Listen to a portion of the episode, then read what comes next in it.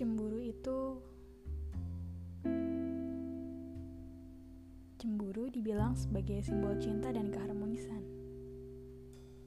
Tapi nyatanya cemburu itu adalah malapetaka.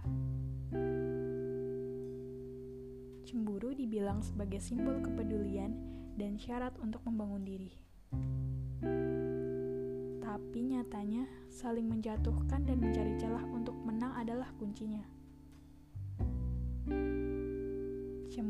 Dibilang sebagai simbol ungkapan rasa bercanda seseorang teman kepada yang dianggap teman. Tapi nyatanya semakin menjauh dan menjadi tidak mengenal satu sama lain adalah hasilnya.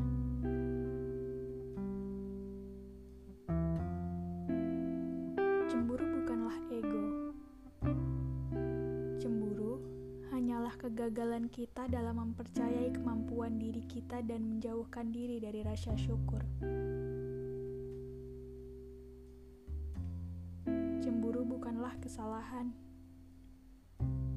Cemburu hanyalah hal yang selalu disalahkan pada orang yang salah dalam menggunakan kecemburuan.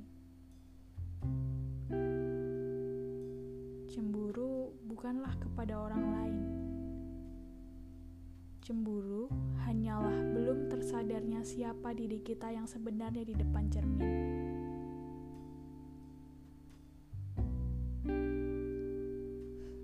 Jangan, jangan pernah salahkan cemburu. Dia tidak pernah salah. Dia hanya mampir sejenak untuk kita berpikir logis dan bangkit.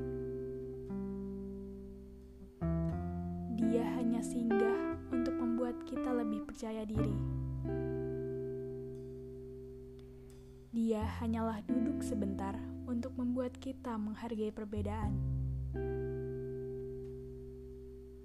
Dan pada akhirnya, dia akan pergi ketika kita sudah mengenali siapa cemburu itu sebenarnya.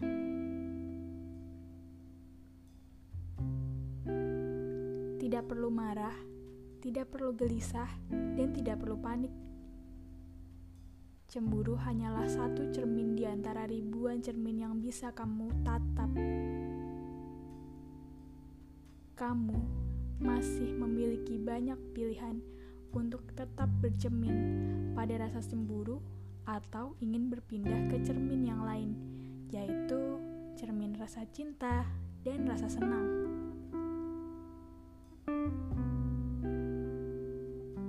Kamu tahu, cemburu itu membosankan. Hentikan saja agar hidupmu lebih menyenangkan. Tapi, jikalau hanya kamu yang mau, aku bukan pemaksa.